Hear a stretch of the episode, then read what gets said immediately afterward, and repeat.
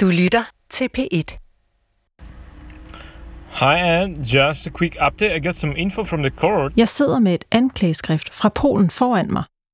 Det er flere hundrede sider langt og indeholder vidneberetninger fra 16 prostituerede. 16 kvinder, der anklager tre polske brødre for at have udnyttet dem i Polen. Det er august 2013. Vi er en kystby i det nordlige Polen. Her har den unge kvinde Sofia lige fået tilbudt et job på en natklub. Hun skal være vært inde. Og hun har virkelig brug for de penge, som vært inde jobbet vil give hende. Sofia bor sammen med sin mor og sin handicappede bror. Faren er død, og Sofia arbejder i forvejen syv dage om ugen for at hjælpe med at forsørge familien. Alligevel hænger økonomien ikke sammen. En veninde har fortalt hende om jobbet på natklubben. Hun tager til en samtale og får at vide, at hun kan starte dagen efter, og hun vil blive hentet i en bil. Chaufføren, der dukker op den næste dag, er en skældet mand med kæder om halsen. Han har et ubehageligt udtryk i ansigtet, synes Sofia. Instinktivt bryder hun sig ikke om ham. Chaufføren hedder Pavel. Fremme ved natklubben får Sofia besked på at skifte tøj. Hun er så nervøs, at hun ryster. Hun bliver ført ind i et rum. Herinde sidder der flere kvinder, og foran dem står der et bord med et hav af mobiltelefoner på. Sofia får at vide, at hun skal finde på et navn. Kvinderne foreslår Karolina. 10 mænd kommer ind i klubben, og Sofia får besked på at gå ind i selve natklubben og over til deres bord. Sofia tøver. Hun er nervøs. Men en kvinde ved navn Anna lover at hjælpe hende. Anna fører hende over til bordet, hvor de 10 mænd venter. Men pludselig forlader mændene stedet. Det er for dyrt, synes de. Kvinden Anna fortæller hende nu, hvad stedet og jobbet i virkeligheden går ud på. Hun skal sælge sex til mænd for penge. Den første gang er den værste, siger Anna til hende. Med tiden bliver det nemmere. Sofia protesterer ikke. Det gælder om at tjene penge. Kort efter kommer den første kunde. Sofia er bange, men går ind i et rum sammen med ham. Han har betalt for en time. Sofia får halvdelen af beløbet, resten beholder bagmændene. Fra det tidspunkt forløber alle hendes nætter på samme måde. En aften får Sofia en besked fra Pavel, den skaldede chauffør med det ubehagelige ansigt. Vil du være min bitch, står der. Sofia tror, det er en joke og svarer, ja, klart. Først da hun taler med en af de andre piger, går det op for hende, at det at være deres bitch betyder, at man bliver deres ejendom. Man bliver tatoveret og får lavet bryster. En aften noget tid senere gentager Pavel sit spørgsmål direkte til Sofia. Sofia kigger på ham og svarer, jeg er ikke nogens ejendom og kommer heller aldrig til at være det. Det gør ham rasende. Han trækker en machete frem og smadrer et glas, der står på bordet med den. Så hiver han hende ind til sig og siger, du er for smart for dit eget bedste. Nu går det op for Sofia, hun skal væk. Men hun tør ikke forlade klubben. Hun ved fra de andre kvinder, at bagmændene ikke tillader det. De tvinger kvinderne til at blive ved med at arbejde mod deres vilje.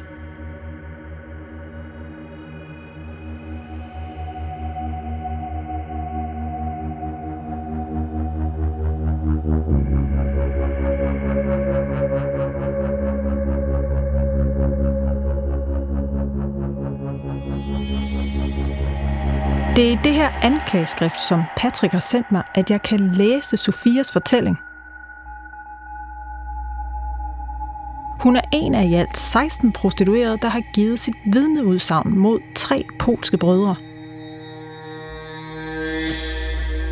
Og ifølge anklagemyndigheden, så har alle de her 16 kvinder arbejdet for brødrenes organisation, som drev bordeller i flere kystbyer i det nordlige Polen fra 2009 til 2013. Og en hel række af de her vidner fortæller, hvordan de er blevet udsat for tvang, trusler og overgreb fra en eller flere af de her brødre. Det kan jeg læse i anklageskriftet. Men de her tre brødre, der alle sammen nægter sig skyldige i kvindernes anklager mod dem, de når aldrig at få en dom i Polen.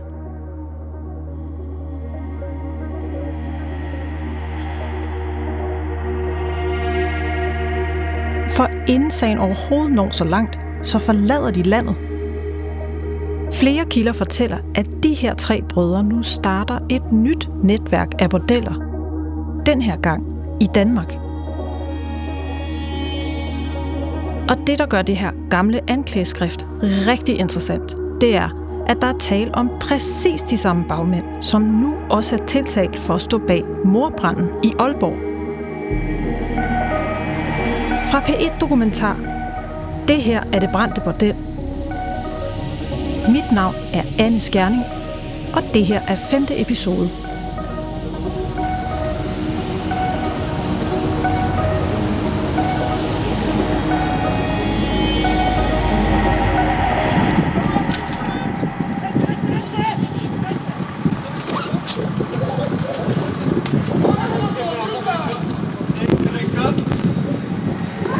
Det er den 16. september 2013.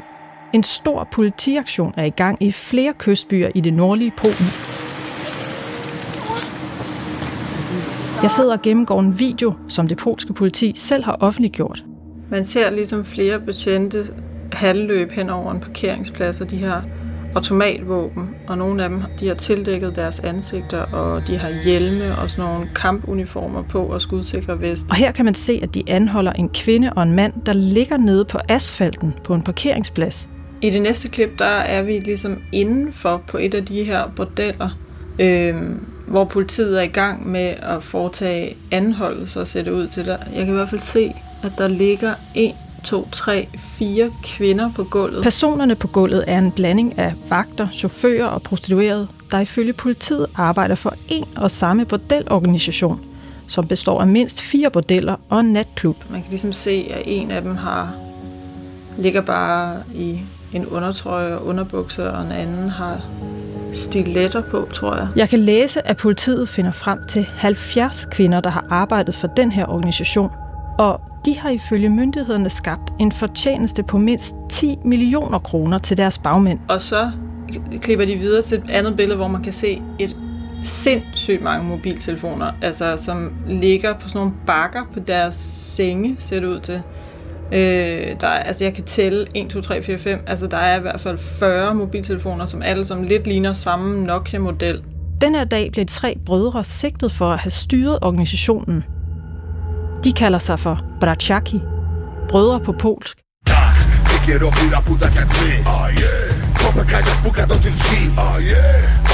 dalej włączę beat Ja nie jestem tu od tego, by pierdalać kilka Chodzę na imprezę, właśnie tak się bawią klipy Nie ma zakazy i limity Chodzę na imprezę, właśnie tak się bawią vipy Ifølge myndighederne i Polen, så er det den mellemste af de tre brødre, der bestemmer mest.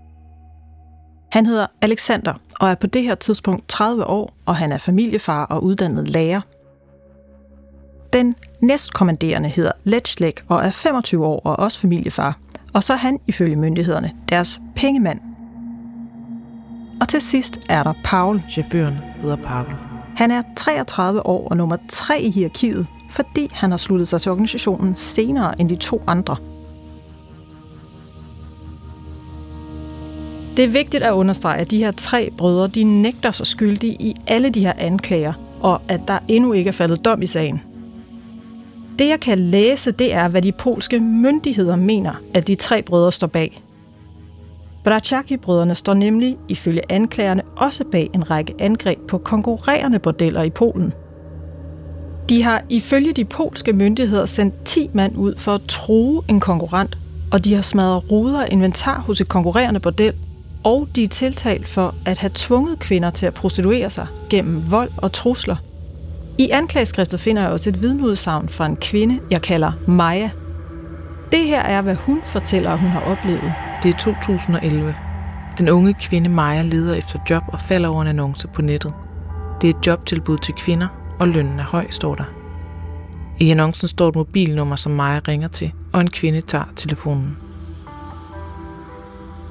Maja aftaler at mødes med hende på en parkeringsplads. Kvinden hedder Anna. Maja sætter sig ind i en sort BMW sammen med Anna. Inde i bilen sidder der også to mænd.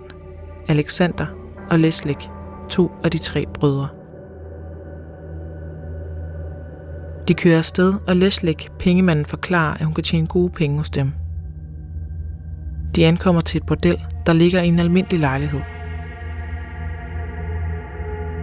De går indenfor, og Maja går ind i et rum sammen med Alexander og Anna. Alexander forklarer, at de deler indtægten halv-halv, og at hun får sit eget værelse. Maja har aldrig prøvet noget lignende, og er bange for Leslie og Alexander. Et øjeblik efter kommer en kunde ind ad døren. Han får præsenteret de kvinder, der er at vælge imellem. Han beslutter sig. Han vil have Maja.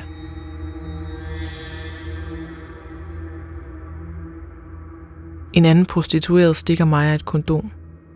Indad til er hun ved at gå i panik, men udad til holder hun facaden, går med manden og betjener en prostitutionskunde for første gang i sit liv. Ifølge det her anklageskrift fra de polske myndigheder, så fortæller kvinderne, at de bliver overvåget konstant, og at de ikke får lov til at tage hjem til deres familier eller bare gå ud og handle. Og de bliver straffet økonomisk, hvis de ikke adlyder brødrene fuldt ud. Derudover beskriver flere af dem, at de er blevet udsat for afpresning og nogle gange også vold og seksuelle overgreb for de her brødre. Maja tør ikke sige nej til Alexander og Leslie. Hun er redselslagen. Nogle uger senere siger hun til dem, at hun gerne vil stoppe. Hun vil ikke mere. Det er ikke en mulighed, svarer de. Hvis hun stikker af, vil de komme og lede efter hende. Flere af kvinderne beskylder også brødrene for at opfatte dem som deres ejendom. Det gælder blandt andet en, vi kalder Julia. Hun har mest kontakt med Leslie. Hun er bange for ham, fordi hun har hørt, at han har været voldelig over for andre kvinder. Leslie tvinger hende til sex og oral sex, og han foreslår hende, at hun skal få en tatovering og blive hans ejendom og kun dyrke sex med ham. Ifølge brødrenes advokat, så nægter de så skyldige i anklagerne om, at de skulle have tvunget nogen til at arbejde for dem imod deres vilje, og for at have udsat deres prostituerede for seksuelle overgreb, som flere af kvinderne anklager dem for. Jeg kan også læse om en kvinde, der hedder Maria, som begynder at arbejde som prostitueret for Brachaki-brødrene som 18-årig, efter hun er blevet smidt ud hjemmefra. Hun fortæller, hvordan hun på brødrenes opfordring får en tatovering, og det er ikke en hvilken som helst tatovering. De krævede at blive behandlet som guder. De tvang hende for eksempel til at give dem massage over hele kroppen. Og hvis hun ikke gjorde det, fik hun en straf. Hun tænkte, at hvis hun fik en tatovering, så ville de lade hende være i fred. De havde deres egen tatovør, som de sendte hende over til. Den tekst, hun skulle have tatoveret, var opfundet af Alexander og Leslik. Det var dem, der insisterede mest på det med tatoveringerne. Med store bogstaver op og højre ben fik hun tatoveret teksten Brødrene er det vigtigste for mig.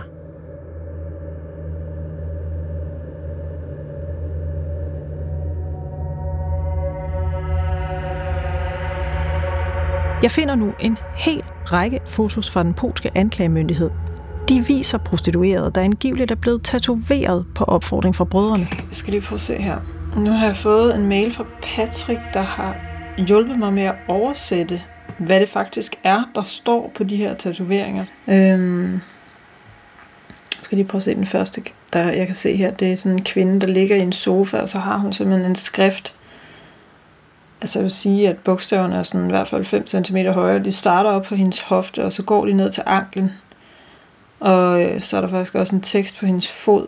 Og der står så åbenbart, I love my master and ruler, Bradshaki, på benet og så står der Letchlegs Property på foden. Og så er der en, hvor, der bare, hvor det også er på benet. Hvor det går sådan hele vejen op fra trussekanten og ned til hendes ankel, hvor der står organisationen ejer, og så hendes prostitutionsnavn. Og her er der en, hvor der står Made by Bratchaki. Det er januar 2015, og retssagen mod de tre brødre og 18 andre tiltalte begynder. De tre brødre nægter sig skyldige i alle anklager om vold, trusler og seksuelle overgreb, som de her 16 prostituerede kommer med. Processen ender med at løbe over mange måneder, men undervejs sker der noget usædvanligt. For midt under retssagen, der afgør domstolen, at brødrene kan blive løsladt mod kaution – de kan så at sige betale for at være på fri fod, indtil der falder endelig dom i sagen. Rettens begrundelse for det her er ifølge flere artikler fra dengang, at der ikke længere er nogen efterforskning i gang, som brødrene kan kompromittere. Men der følger dog et krav med. Brødrene må ikke forlade landet. Men det gør de. Et års tid senere, en sen eftermiddag i sommeren 2016, får en polsk journalist ved navn Mikolaj Podolski en mail fra en anonym kilde. Han arbejder for en af Polens største netmedier. Og i mailen, der skriver kilden, Hallo? Skriver du om brødrene? De er ikke i Polen. Samtidig sender vedkommende et link til en prostitutionsannonce. Men den er ikke fra Polen. Den er fra Danmark. Og i annoncen er der et foto af en kvinde med brunt hår, og på hendes ene arm er der en tatovering med store bogstaver. Podolski han tænker med det samme, at den her tatovering den ligner dem, den polske anklagemyndighed tidligere har offentliggjort i Brachaki-sagen. Men nu ser han altså sådan en tatovering på armen af en kvinde, der sælger sex i Danmark –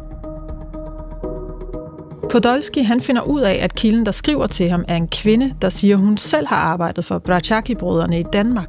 Hun siger, hun fik jobbet gennem en rekrutteringsannonce på nettet, og hun var godt klar over, hvad jobbet i Danmark gik ud på, men ikke præcis hvor eller hvem hun skulle arbejde for.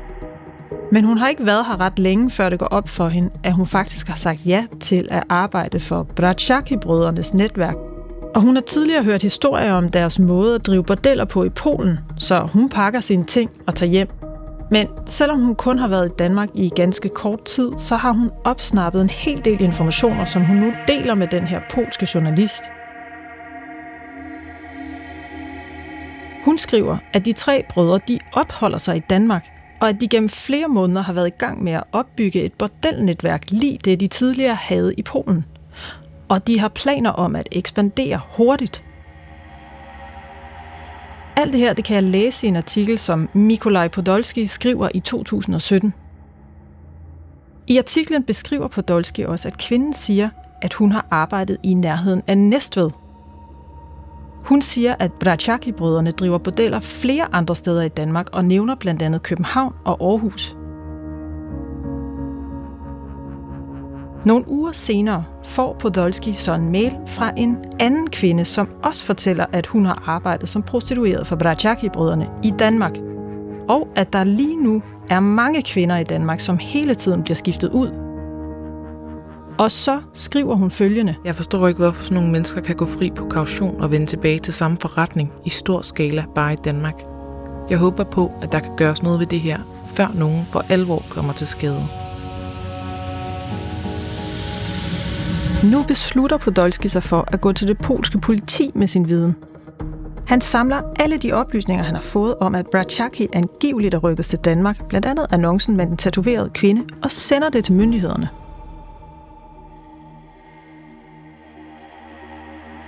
Tre måneder senere er der svar fra politiet. To betjente vil mødes med Podolski og høre alt om, hvad han ved så han mødes med dem i september 2016, skriver han i sin artikel. Bagefter tænker han, at han nu har gjort, hvad han kunne, og han regner med, at politiet vil handle på sagen. Men i det kommende halve år, der hører han intet. Først i april 2017 er der nyt. For her udsender Pols politi en pressemeddelelse om, at de har anholdt seks polske personer i forbindelse med en sag i Danmark. Jeg finder den her pressemeddelelse, og her står der. En kvinde brænder inden efter gerningsmænd har sat ild til et bordel. To år senere, der bliver de her tre brødre så anholdt og sigtet for at have bestilt angrebet mod bordellet i Aalborg.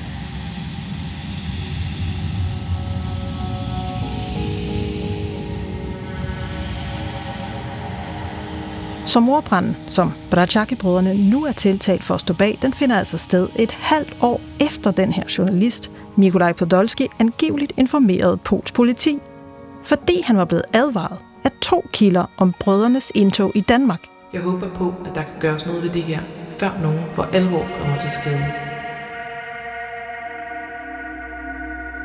Jeg kontakter politiet i Polen og spørger, om de kan bekræfte, at de modtog de her oplysninger om Braciaki-brødrenes aktiviteter i Danmark før morbranden. Men det vil de ikke svare på.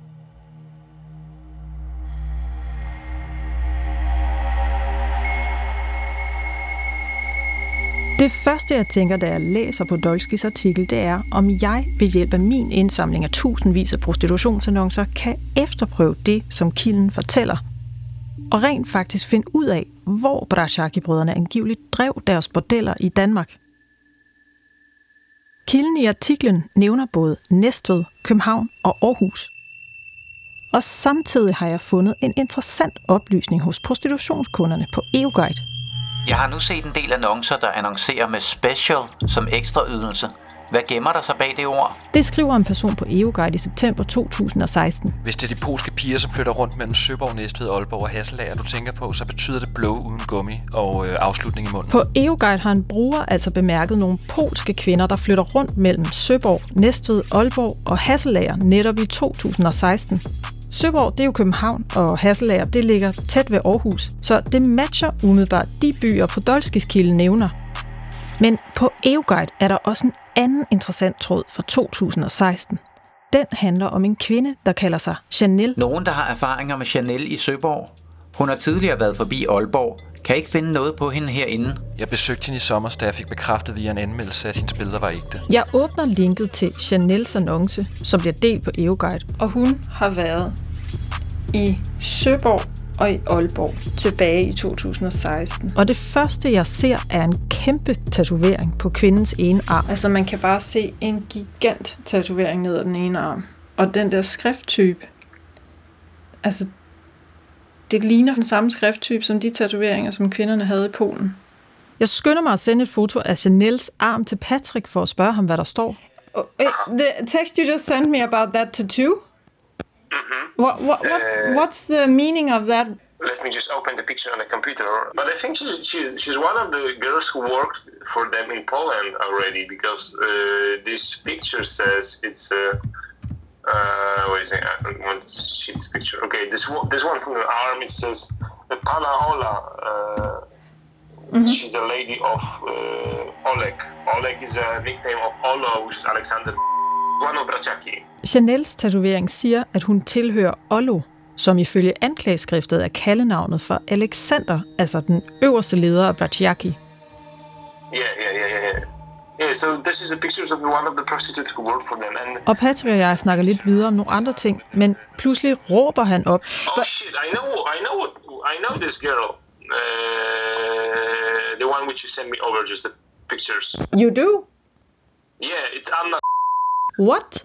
Okay, can you explain? Yeah, explain. Just give me a second. I'll, I'll check other photos to be 100%, but like 99% sure right now. Yeah, it's her. But she changed a bit, but it's her. Like she has the same tattoo. But well, and who who's she once again? She's Anna. Maja aftaler mødes med hende på en parkeringsplads.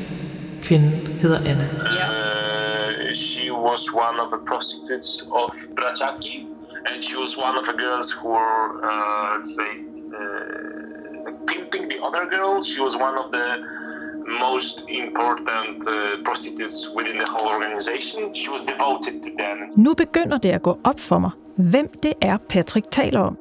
Det er den her Anna, jeg har læst om en masse gange i det polske anklageskrift fra 2014. Anna er den kvinde, der ifølge anklageskriftet går over til den unge kvinde Sofia og fortæller, at hendes nye job som vært inde på en natklub i virkeligheden er et job som prostitueret. En kvinde ved navn Anna lover at hjælpe hende og fører hende over til bordet, hvor de 10 mænd venter. Det er også Anna, som flere af kvinderne fortæller, er den første, de får kontakt til, når de søger job hos Pratyaki. Så den her tatoverede kvinde, der kalder sig Chanel i de danske prostitutionsannoncer, og som ifølge brugerne på EoGuide har været både i Søborg og i Aalborg. Hun er ifølge Patrick identisk med Anna, der ifølge den polske anklagemyndighed spiller en helt central rolle i Baraciaki-netværket. Patrick han kan genkende hende, fordi hun mødte op ved et indledende retsmøde i Polen, der handlede om morbranden. Her er hun tiltalt for at drive bordel i Danmark på vegne af brødrene.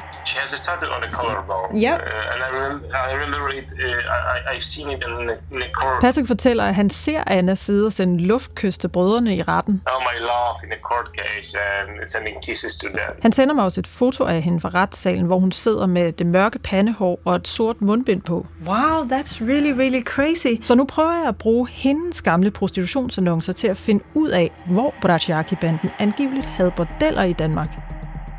Der er desværre ikke nogen adresse i den annonce, jeg først finder. Men så tjekker jeg, om der skulle ligge nogle gamle versioner af den samme annonce på Archive.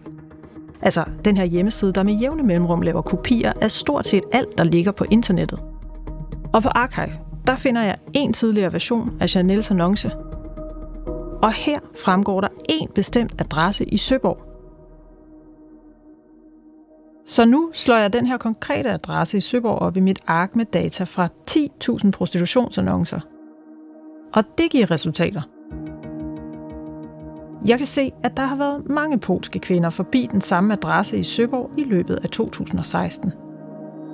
Så nu samler jeg alle de annoncer med prostituerede, der har været på den her adresse, og kører dem igennem Archive for at finde ældre versioner af deres annoncer.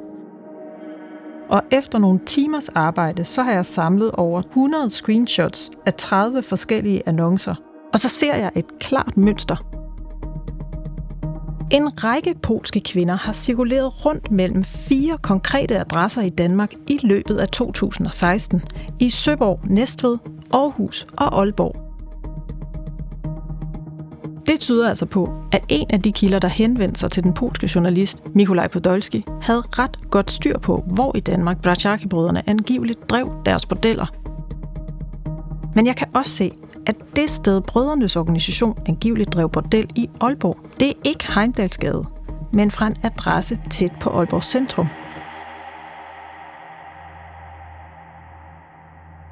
Jeg kontakter nu Braciaki-brødrenes advokat i Polen og præsentere ham for de ting, jeg har samlet sammen.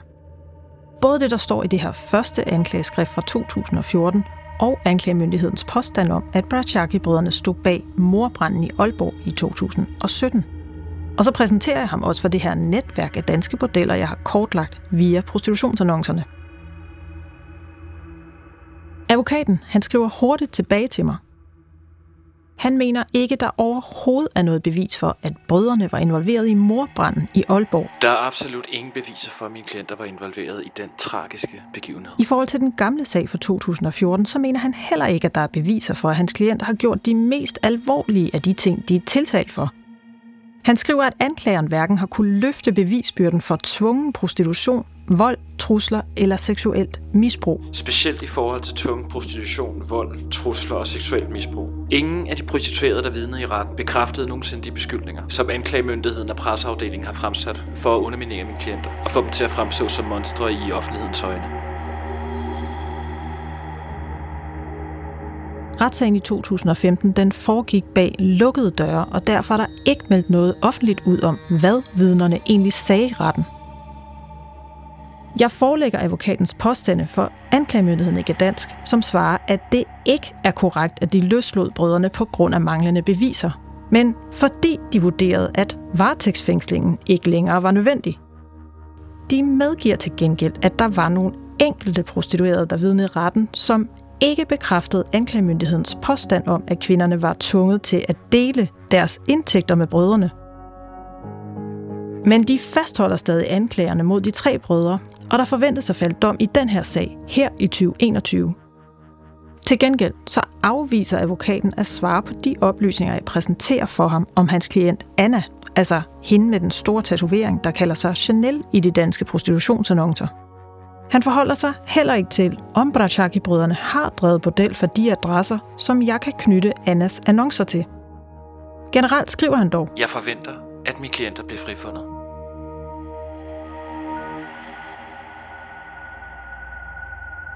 Imens jeg har let efter informationer om, hvor Braciaki-brødrene angiveligt drev bordeller i Danmark, så har jeg fundet noget andet interessant. Igen på EUGuide. For her skriver en prostitutionskunde, at han har besøgt et bordel i Næstved på netop den adresse, som min kortlægning peger på, har tilhørt Braciaki-brødrene. Netop på det tidspunkt. Hende jeg mødte var ganske køn, men ville bare have det overstået, og jeg mødte tre piger, der sov på madrasser på gulvet, og de havde det virkelig ikke godt. Det første jeg gjorde var at melde det til Center mod Menneskehandel. På samme adresse ved Næstved, der finder jeg også et firma, som tilhører en polsk kvinde. Martas Massage. Nej, det er løgn. Og der er flere ting, der peger på, at netop den her kvinde kan være en nøgle til at forstå morbranden i Aalborg. Så nu prøver jeg at finde hende. Jeg vil gerne vide, om hun kan give mig svaret på, hvorfor det her bordel skulle brændes ned.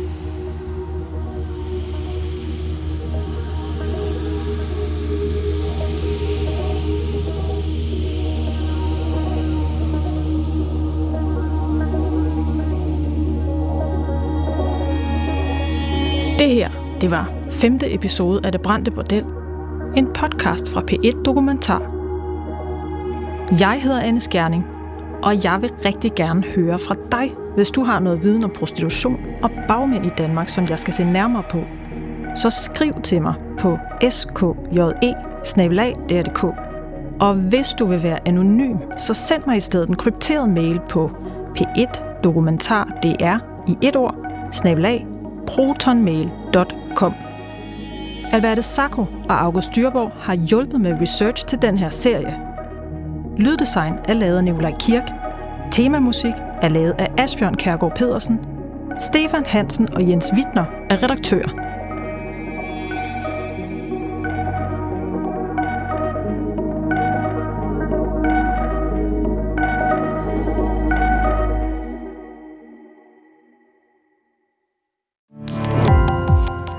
Gå på opdagelse i alle DR's podcast og radioprogrammer. I appen DR Lyd.